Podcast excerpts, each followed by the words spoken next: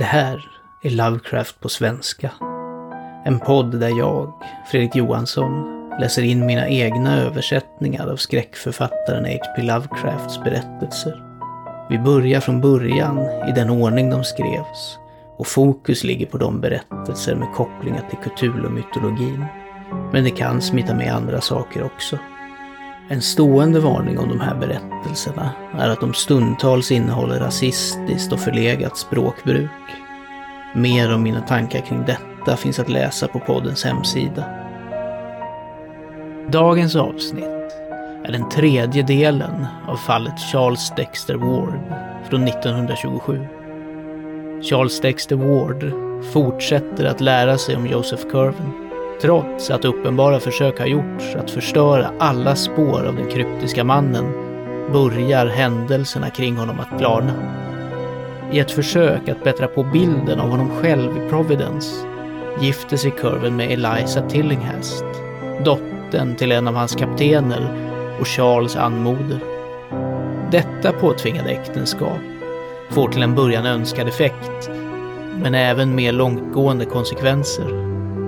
Eliza tvingas bryta den redan etablerade förlovningen med Ezra Whedon och Ezra, som fått sin tilltänkta framtid ryckt från sig, ägnar nu all sin lediga tid åt att övervaka Curven och hans egendomar med önskan att förgöra den gamle mannen på vilket sätt han än kan. Det han finner blir början av händelser som sätter sina spår i hela Providence och som ekar in i Charles Dexter Wards tid. God lyssning.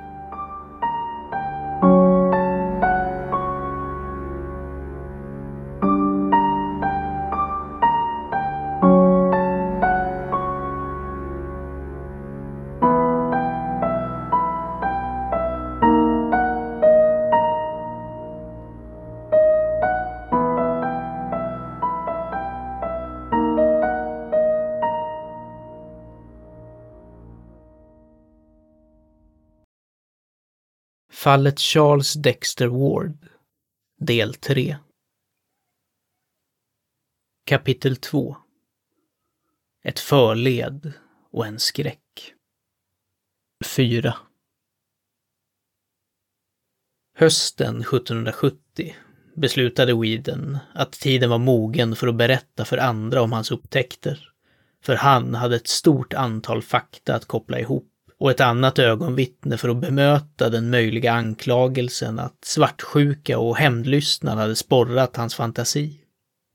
Som sin första förtrogne valde han kapten James Matthewson på Enterprise, som å ena sidan kände honom tillräckligt väl för att inte tvivla på hans sanningsenlighet och å andra sidan var tillräckligt inflytelserik i staden för att i tur och ordning höras med respekt.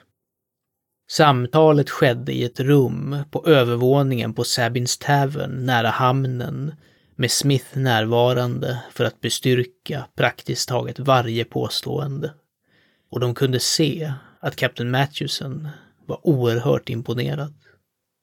Liksom nästan alla andra i staden hade han haft sina egna svarta misstankar angående Joseph Curven Därför behövdes det endast denna bekräftelse och en utvidgning av uppgifter för att absolut övertyga honom. Vid slutet av konferensen var han mycket allvarlig och föreskrev strikt tystnad över de båda yngre männen.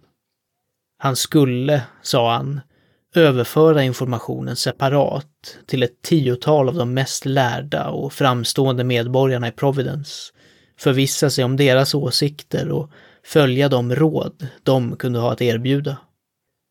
Hemlighållande skulle förmodligen vara väsentligt i vilket fall, för detta var inte en sak som statskonstaplarna eller milisen kunde hantera.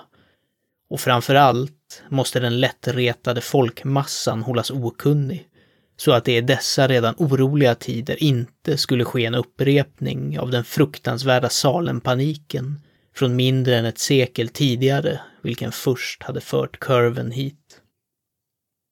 De rätta personerna att underrätta, trodde han, skulle vara Dr. Benjamin West, vars pamflett om Venus sena övergång bevisade honom som en forskare och skarp tänkare. Pastor James Manning, rektor i det college som nyligen flyttat upp från Warren och tillfälligt inhystes i den nya skolbyggnaden på King Street i väntan på slutförandet av dess byggnad på kullen ovanför Presbyterian Lane. Ex-guvernören Stephen Hopkins, som hade varit medlem i det filosofiska sällskapet i Newport och var en man med mycket breda insikter. John Carter, utgivare av Gazette. Alla fyra Brownbröderna, John, Joseph, Nicholas och Moses, som utgjorde de erkända lokala magnaterna och av vilken Joseph var en amatörforskare i flera ämnen. Gamle Dr. Jabes Bowen, vars bildning var avsevärd och som hade mycket förstahandskännedom om kurvens udda inköp. Och Kapten Abraham Whipple, ett kaparbefäl med fenomenal järvhet och energi som man kunde räkna med att leda alla aktiva åtgärder som behövdes.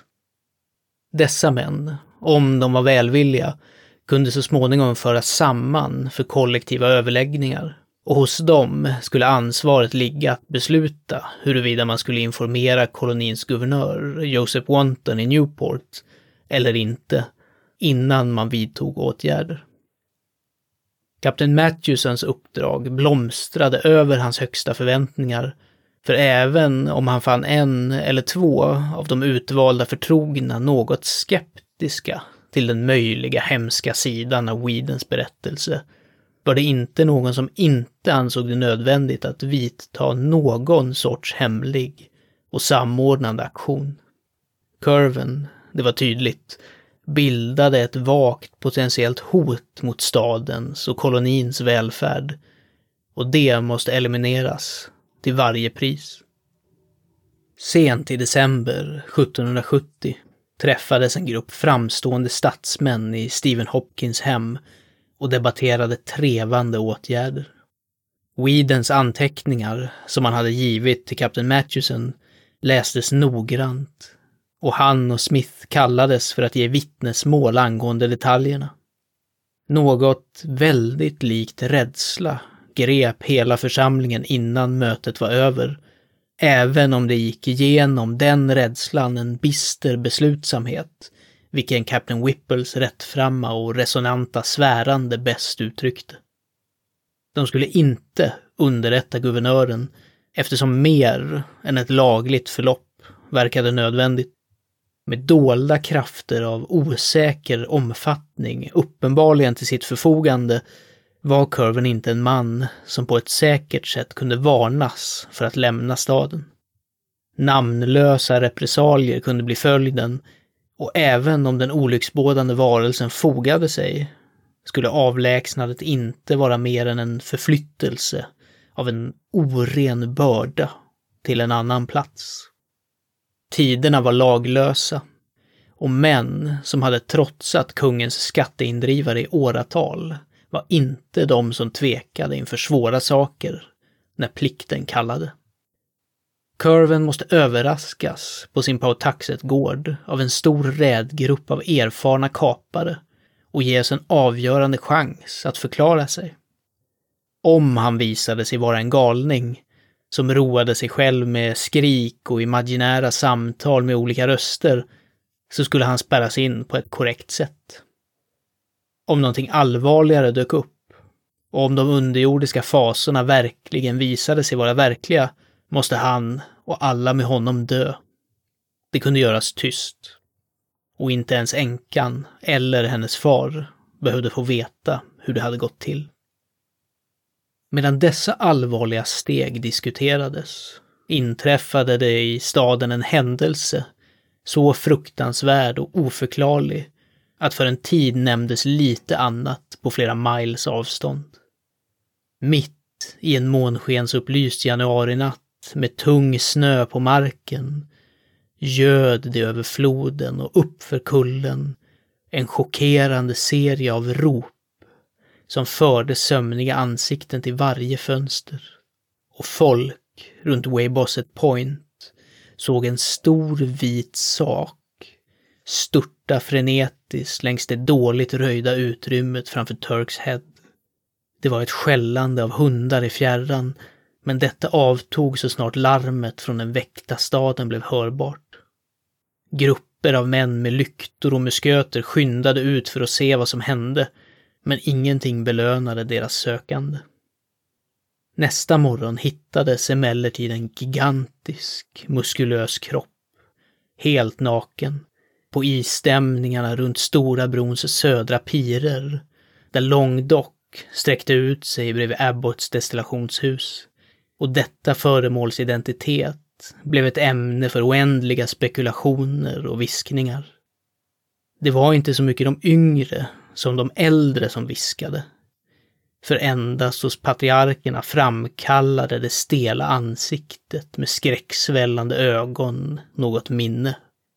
De skakade medan de gjorde det och utbytte skyggt mumlanden av förundran och fruktan.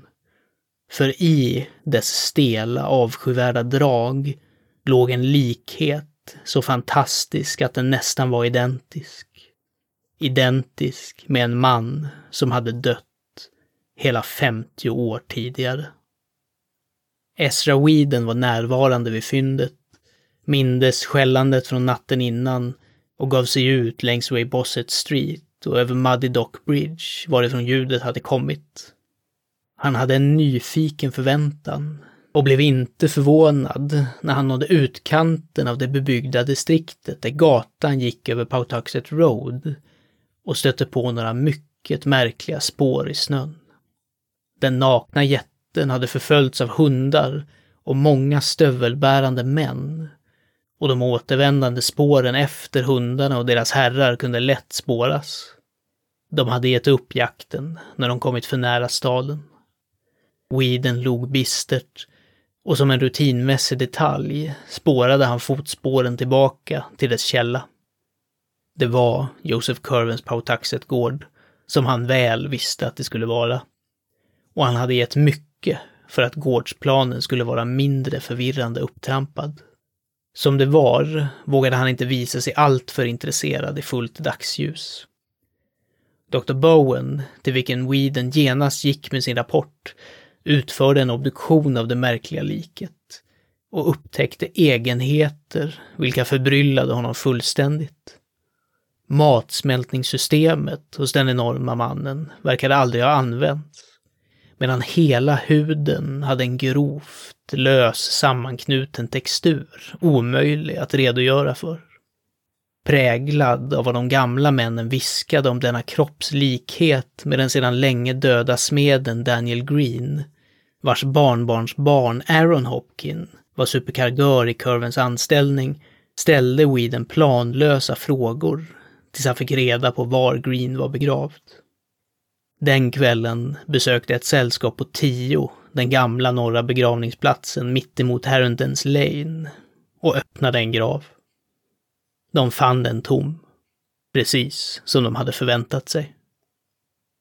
Under tiden hade överenskommelser gjorts med postryttarna för att fånga upp Joseph Curvens post.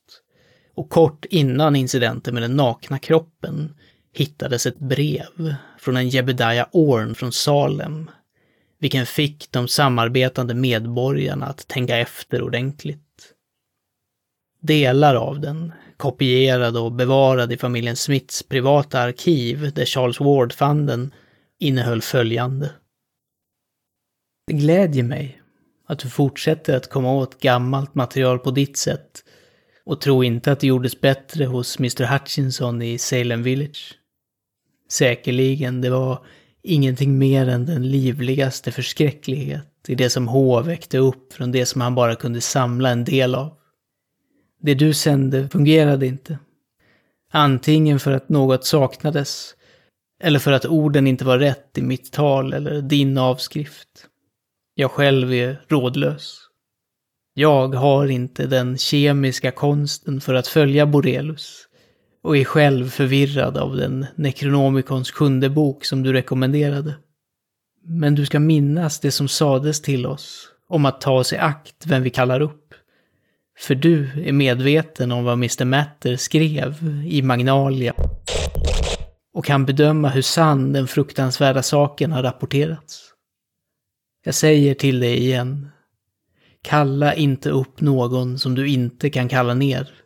Med vilket jag menar någon som i sin tur kan kalla upp någonting mot dig, varvid dina kraftfullaste anordningar kanske inte är till nytta. Fråga de svaga, skola de starka inte önska svara och skola befalla mer än du. Jag blev rädd när jag läste att du kände till vad Ben Sariatnamik hade i sin ebenholtslåda, för jag var medveten om vem som måste ha berättat för dig. Och återigen ber jag att du ska skriva till mig som Jebedaja och inte Simon. I det här samhället kan en man inte leva för länge och du känner till min plan genom vilken jag kom tillbaka som min son.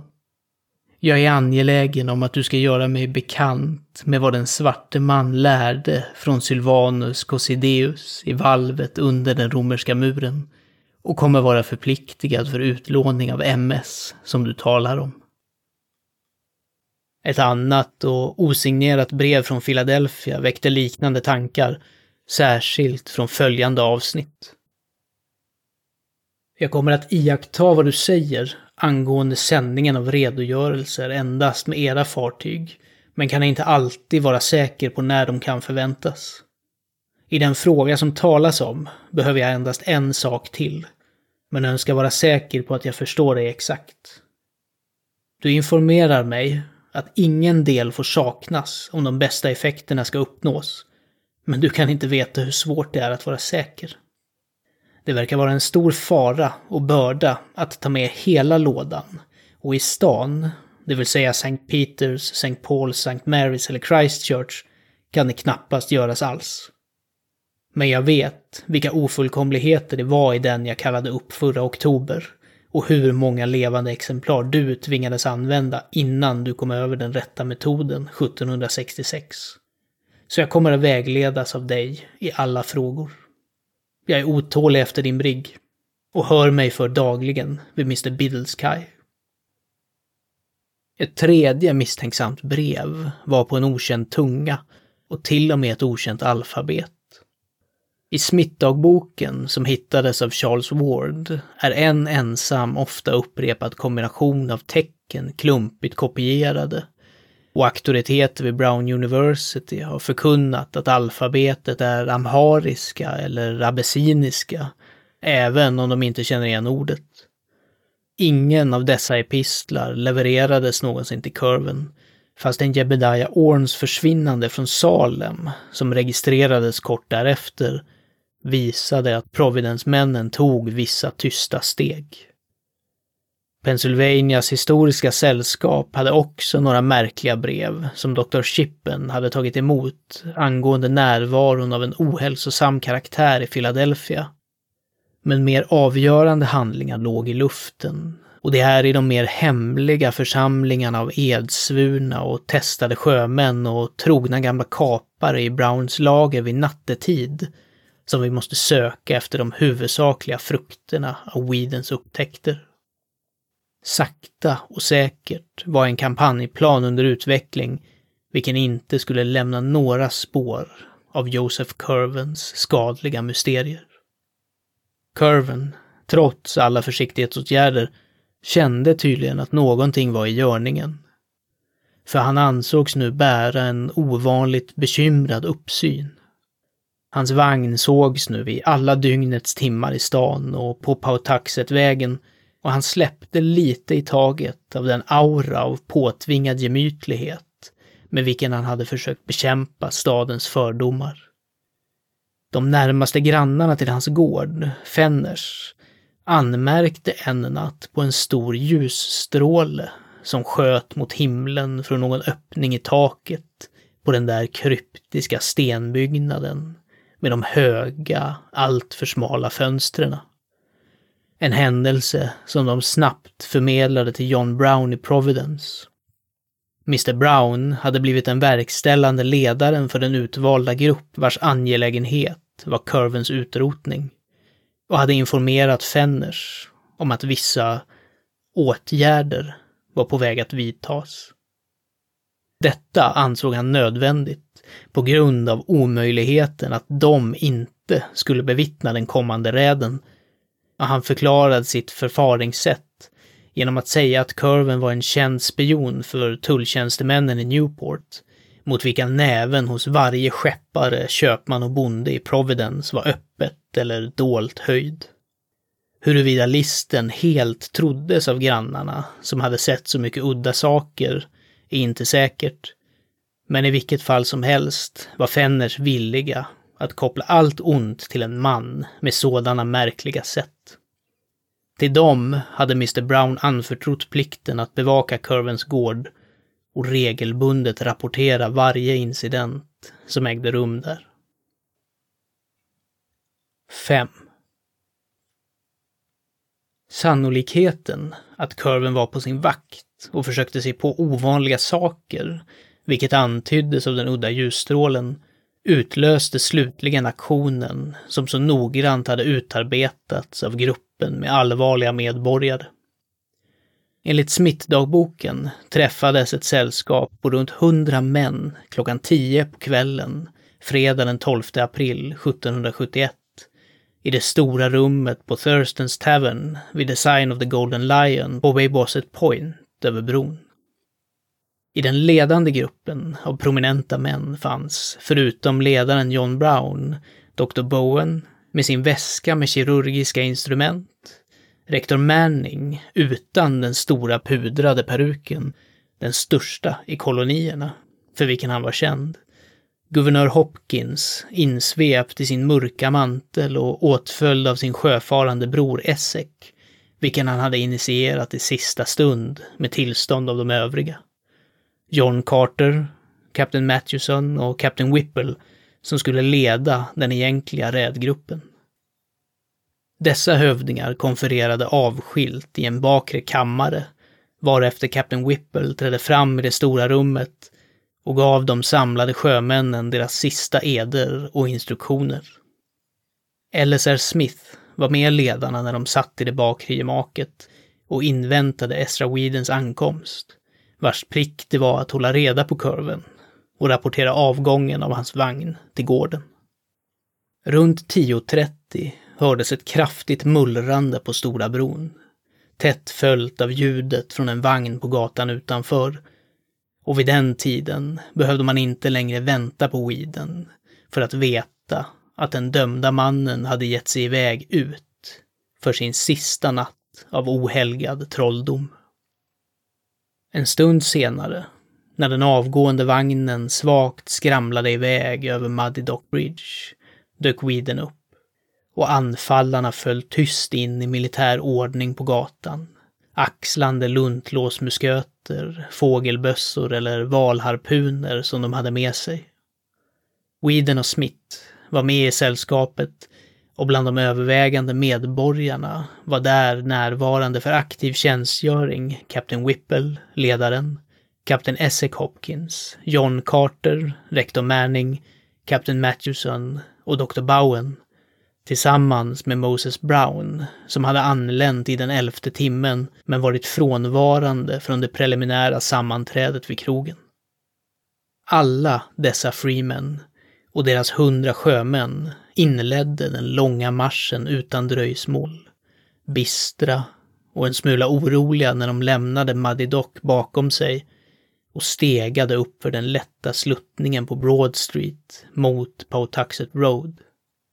Strax bortom Elder Snows Church vände sig några av männen om för att kasta en avskedsblick på Providence, som låg utspridd under de tidiga vårstjärnorna. Spiror och husgavlar reste sig mörka och välformade och salta brisar svepte mjukt upp från viken norr om bron. Vega klättrade ovanför den stora kullen på andra sidan vattnet, vars trädkrön bröts av taket på den oavslutade collegebyggnaden. Vid foten av den kullen och längs de smala klättrande stigarna på dess sida drömde den gamla staden gamla Providence, för vars säkerhet och förstånd en så monstruös och kolossal blasfemi var på väg att utplånas. En timme och en kvart senare anlände räden, som tidigare överenskommits, till Fennegården, där de lyssnade på en slutrapport om sitt tilltänkta offer. Han hade nått sin gård för en halvtimme sedan. Och det märkliga ljuset hade strax därefter skjutit upp en gång i himlen, men det fanns inga ljus i några synliga fönster. Så var det alltid på senare tid.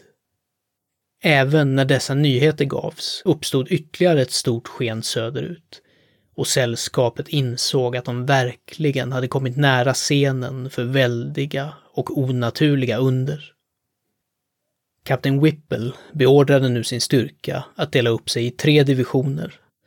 En med 20 man under LSR Smiths befäl för att slå till över stranden och vakta landstigningsplatsen mot eventuella förstärkningar till kurven, tills de kallades av budbärare för desperata åtgärder. En andra gruppering av 20 män under kapten Essex Hopkins befäl för att smyga ner i floddalen bakom kurvengården för att demolera med yxor eller krut ekdörren i den höga branta stranden och en tredje för att närma sig själva huset och de intilliggande byggnaderna. I denna division skulle en tredjedel ledas av kapten Matthewson till den kryptiska stenbyggnaden med höga smala fönster. En annan tredjedel skulle följa kapten Whipple själv till huvudbyggnaden och den återstående tredjedelen skulle bilda en cirkel runt hela gruppen av byggnader tills de kallades av en sista nödsignal. Grupperingen vid floden skulle bryta ner dörren i sluttningen vid ljudet av en ensam visselstöt. Sedan vänta och fånga allt som kunde utges från de inre regionerna.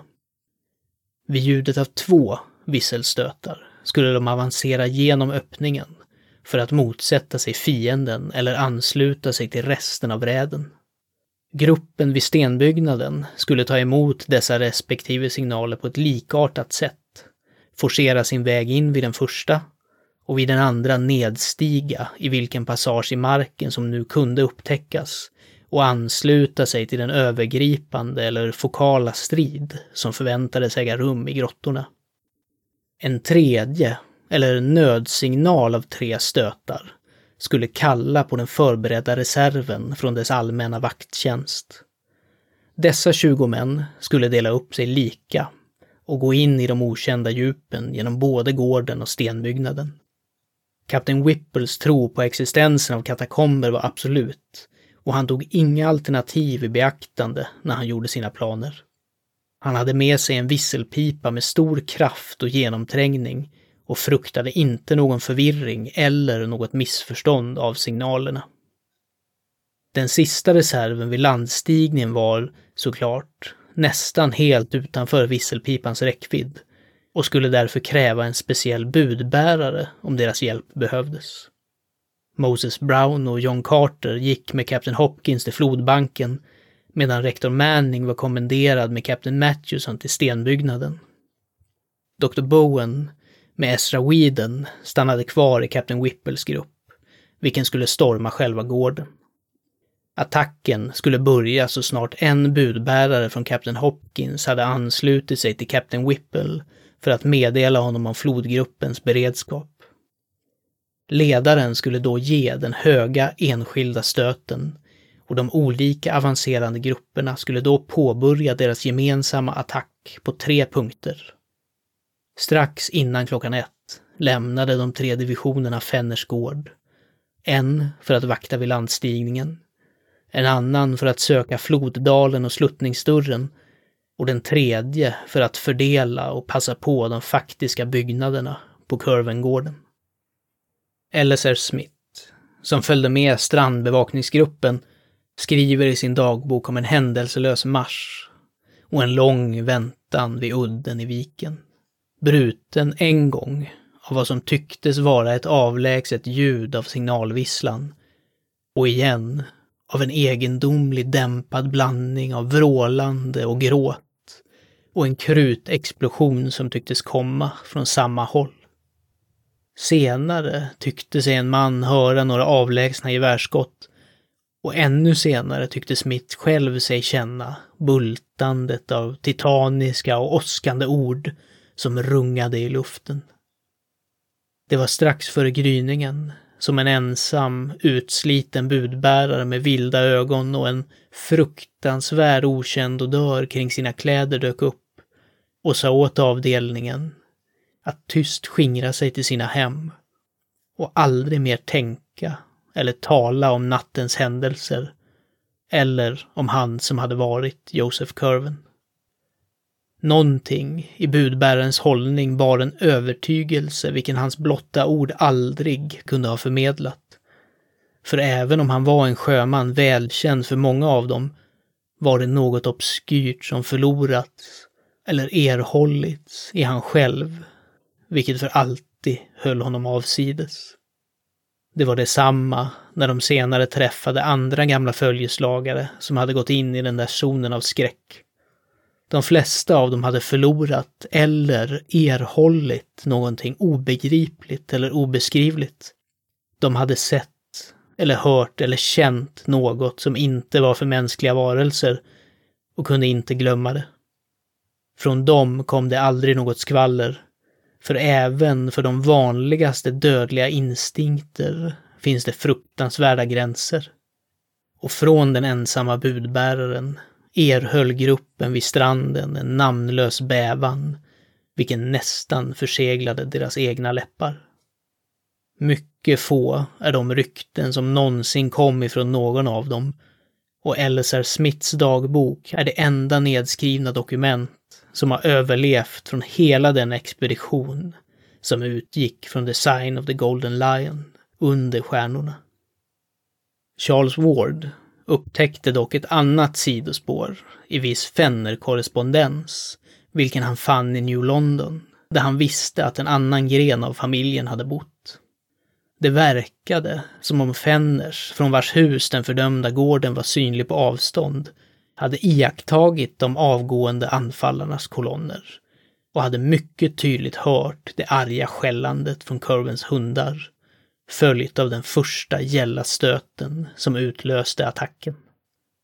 Denna stöt hade följts av en upprepning av den stora ljusstrålen från stenbyggnaden och senare, efter det snabba ljudet av den andra signalen som beordrade en total invasion, hade det kommit ett dämpat smattrande av musköter, följt av ett fruktansvärt vrålande skrik, vilket korrespondenten Luke Fenner hade representerat i sin epistel med bokstäverna.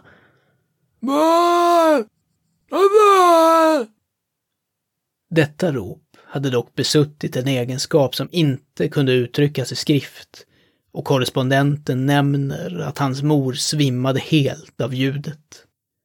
Det upprepades senare mindre högt och längre bort, men mer dämpat bevis på skottlossning följde, tillsammans med en kraftig krutexplosion från flodens riktning. Ungefär en timme senare började alla hundarna att skälla förskräckligt och det kom vaga mullranden i marken, så markerande att ljusstakarna vacklade på spiselkransen. En stark lukt av svavel noterades och Luke Fenners far deklarerade att han hade hört den tredje signalen, eller nödsignalen, även om de andra inte kunde höra den. Dämpade musköter göd igen följda av ett djupt skrik, mindre genomträngande men än mer hemskt än de som hade föregått det. En slags strupig, otäckt växande hosta eller ett gurglande vars egenskap som ett skrik måste ha kommit från dess kontinuitet och psykologiska betydelse hellre än från dess faktiska akustiska värde. Sedan brast den flammande saken upp in i sikte vid en punkt där Kurvengården borde ligga och de mänskliga ropen från desperata och rädda män hördes. Musköter blixtrade och smällde och den flammande saken föll till marken. En andra flammande sak dök upp och ett skrik av mänskligt ursprung utmärkte sig tydligt. Fenner skrev att han till och med kunde uppfatta några ord som frenetiskt stöttes fram. Allsmäktige, Skydda ditt lamm. Sedan kom det flera skott och den andra brinnande saken föll. Efter det var det tyst i ungefär tre kvart. I slutet av den tiden utbrast lilla Arthur Fenner, Lukes bror, att han såg en röd dimma resa sig upp till stjärnorna från den förbannade gården i fjärran. Ingen annan än barnet kan vittna om detta, men Luke medger att det betydande sammanträffandet som impliceras i paniken av nästan krampaktig skräck, vilken i samma ögonblick krökte ryggarna och fick pälsen att styvna på de tre katter som då var inne i rummet. Fem minuter senare blåstes det upp en kylig vind och luften fylldes av en sådan outhärdlig stank att endast havets starka friskhet kunde ha förhindrat att den uppmärksammades av strandgruppen eller av någon vaken själ i Pautaxet Village. Denna stank var ingenting som någon av Fenners någonsin hade stött på tidigare och framkallade en sorts gripande, amorf rädsla bortom den från graven eller kryptan. Nära inpå kom den hemska rösten, vilket ingen olycklig åhörare någonsin skulle kunna glömma. Den dånade ut från himlen likt en undergång och fönster skallrade när dess ekon dog bort. Den var djup och musikalisk, kraftfull som en basorgel, men ond som arabernas förbjudna böcker. Vad den sa kan ingen människa säga, för den talade på en okänd tunga. Men detta är skriften som Luke Fenner skrev ner för att skildra de demoniska intonationerna. Desmes yeset, bondus efeduema, enitemos. Inte förrän år 1919 kopplade någon själ denna grova avskrift till något annat inom jordisk kunskap. Men Charles Ward bleknade när han kände igen det Mirandola hade fördömt med rysningar som den ultimata skräcken bland den svarta magins besvärjelser. Ett omisskännligt mänskligt rop, eller ett djupt korskrik, tycktes besvara detta elakartade under från Kurvengården, efter vilken den okända stanken växte sig komplex med en tillagd odör lika outhärdlig. Ett tjut, tydligt skilt från skriket, brast nu fram och drogs utdraget i uppåtgående och fallande paroxysmer. Ibland blev det nästan artikulerat, även om ingen åhörare kunde spåra några bestämda ord. Och vid ett tillfälle verkade det närma sig gränserna för diaboliskt och hysteriskt skratt. Sedan slets ett rop av ytterst ultimat skräck och skarp galenskap ur tjåg av mänskliga halsar. Ett rop som kom starkt och klart, trots djupet från vilket det måste ha sprungit ifrån efter vilket mörker och tystnad härskade överallt. Spiraler av frän rök steg upp för att skymma stjärnorna, fast inga flammor dök upp och inga byggnader observerades vara borta eller skadade följande dag. Framåt gryningen knackade två skrämda budbärare med kläder genomsyrade av monstruösa och obestämbara odörer på Fenners dörr och begärde ett fat rom, för vilken de betalade mycket bra.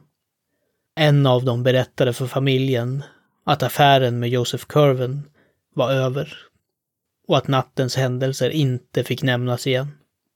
Hur arrogant som ordenen verkade tog uppsynen av honom som gav den bort allt förnärmande och gav den en skräckinjagande auktoritet. Så att endast dessa fördolda brev från Luke Fenner, vilka han uppmanade sin Connecticut-släkting att förstöra, återstår för att berätta om vad som sågs och hördes. Motsträvigheten hos denna släkting, varigenom dessa brev trots allt räddades, har ensamt hållit saken från en barmhärtig glömska.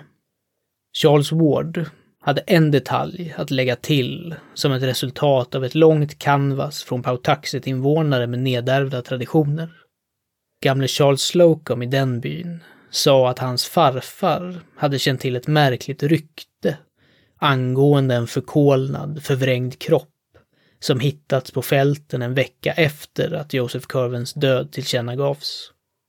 Vad som höll ryktet levande var föreställningen att denna kropp, så långt det kunde ses i dess brända och vridna tillstånd, varken var helt mänskligt eller helt överensstämmande med något djur som Pautaxet folk någonsin sett eller läst om. 6. Inte en enda man som deltog i den fruktansvärda räden kunde någonsin förmås att säga ett ord om den. Och varje fragment om de vaga uppgifterna som överlevt kommer från utanför den slutliga stridande gruppen. Det finns något skrämmande i den omsorg med vilken dessa faktiska anfallare förstörde varje spår som bar den minsta anspelningen på saken. Åtta sjömän hade dödats, men trots att deras kroppar inte framställdes var deras familjer tillfreds med uttalandet att en sammandrabbning med tulltjänstemän hade inträffat.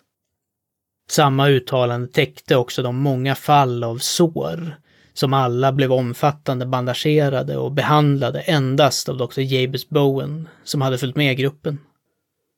Svårast att förklara var den namnlösa odör som klängde sig fast vid alla anfallarna. En sak som diskuterades i veckor. Av stadens ledare var Captain Whipple och Moses Brown de svårast sårade och deras fruars brev vittnar om den förvirring om deras förtegenhet och noggranna bevakning av deras bandage framkallade. Psykologiskt var alla deltagare åldrade, tillnyktrade och skakade.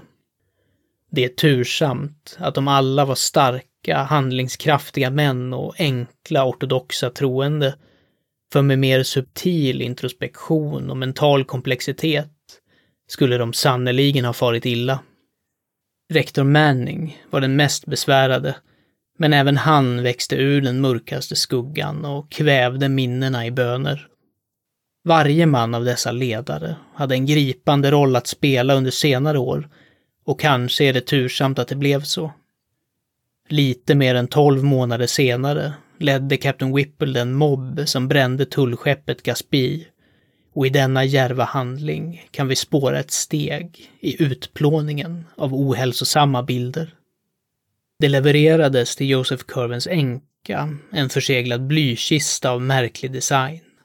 Uppenbarligen funnen redo på plats när den behövdes, i vilken hon fick veta att hennes mans kropp låg. Han hade, förklarades det, dödats i en tullstrid om vilken det inte var välbetänkt att ge några detaljer om. Mer än detta har ingen tunga någonsin yttrat om Joseph Curvens slut och Charles Ward hade endast en enda antydan för att konstruera en teori. Denna antydan var den tunnaste tråd. En skakig understrykning av en passage i Jebediah Orns konfiskerade brev till kurven, som delvis kopierats i Ezra Whedons handstil. Kopian hittades i ägo hos Smiths ättlingar och det är upp till oss att avgöra huruvida Weeden gav den till sin följeslagare efter slutet. Som en stum ledtråd till den abnormitet som inträffat. Eller huruvida, vilket är mer troligt, om Smith hade den innan och lade till understrykningen själv utifrån vad han hade lyckats få ut ur sin vän genom listigt gissande och skickligt korsförhör. Det understrukna stycket är endast detta. Jag säger till dig igen. Kalla inte upp någon som du inte kan kalla ner. Med vilket jag menar någon som i sin tur kan kalla upp någonting mot dig, varvid dina kraftfullaste anordningar kanske inte är till nytta. Fråga de svaga, skola de starka inte önska svara och skola befalla mer än du.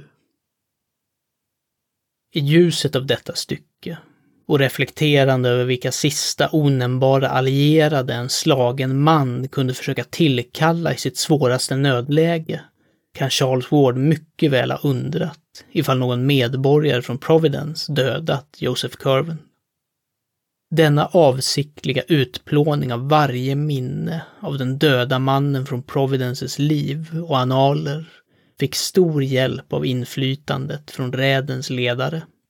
De hade först inte haft för avsikt att vara så grundliga och hade låtit änkan och hennes far och barnet förbli okunniga om de verkliga förhållandena.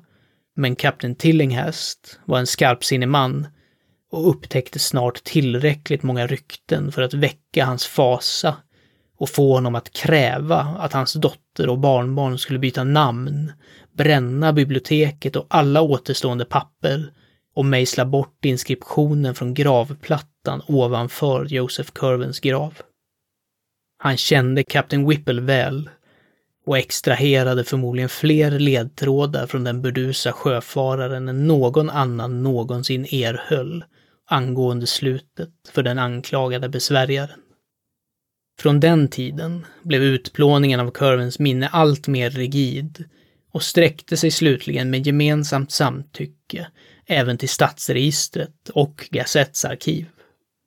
Det kan i anda jämföras endast med den tystnad som låg över Oscar Wildes namn i ett decennium efter hans skam och i omfattning endast med ödet för den syndiga kungen av Runasar i Lord Danzainis berättelse, som gudarna beslutade att inte bara måste han upphöra att vara, utan måste upphöra att någonsin ha varit. Mrs Tillinghast, som änkan blev känd som efter 1772, sålde huset vid Olney Court och bodde med sin far vid Powers Lane till sin död 1817. Gården vid Påtaxet, undviken av varje levande själ, blev lämnad till att vittra genom åren och verkade förfalla med oförklarlig snabbhet. År 1780 stod endast sten och tegelverken och vid 1800 hade även dessa fallit i oformliga högar. Ingen vågade genomborra det trassliga buskaget vid flodbanken på baksidan vid vilken dörren i sluttningen kan ha legat och inte heller försökte någon rama in en bestämd bild av de scener mitt i vilka Joseph Curven framled från de fasor han hade smitt. Endast den burdusa gamle kapten Whipple hördes av alerta lyssnare när han då och då muttrade för sig själv. Förbanna den där Men han hade inget skäl till att skratta medan han skrek. Det var som om den jävla den hade något i rockärmen. För en halv krona skulle jag bränna hans jävla hus.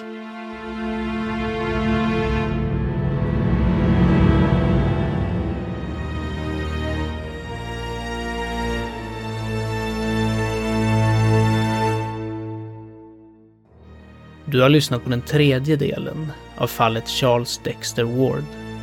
En berättelse av Howard Phillips Lovecraft som skrevs i början av 1927 och som publicerades för första gången efter Lovecrafts död i maj och juli 1941 i Weird Tales i det nionde och tionde numret av den 35 utgåvan, då i en förkortad version.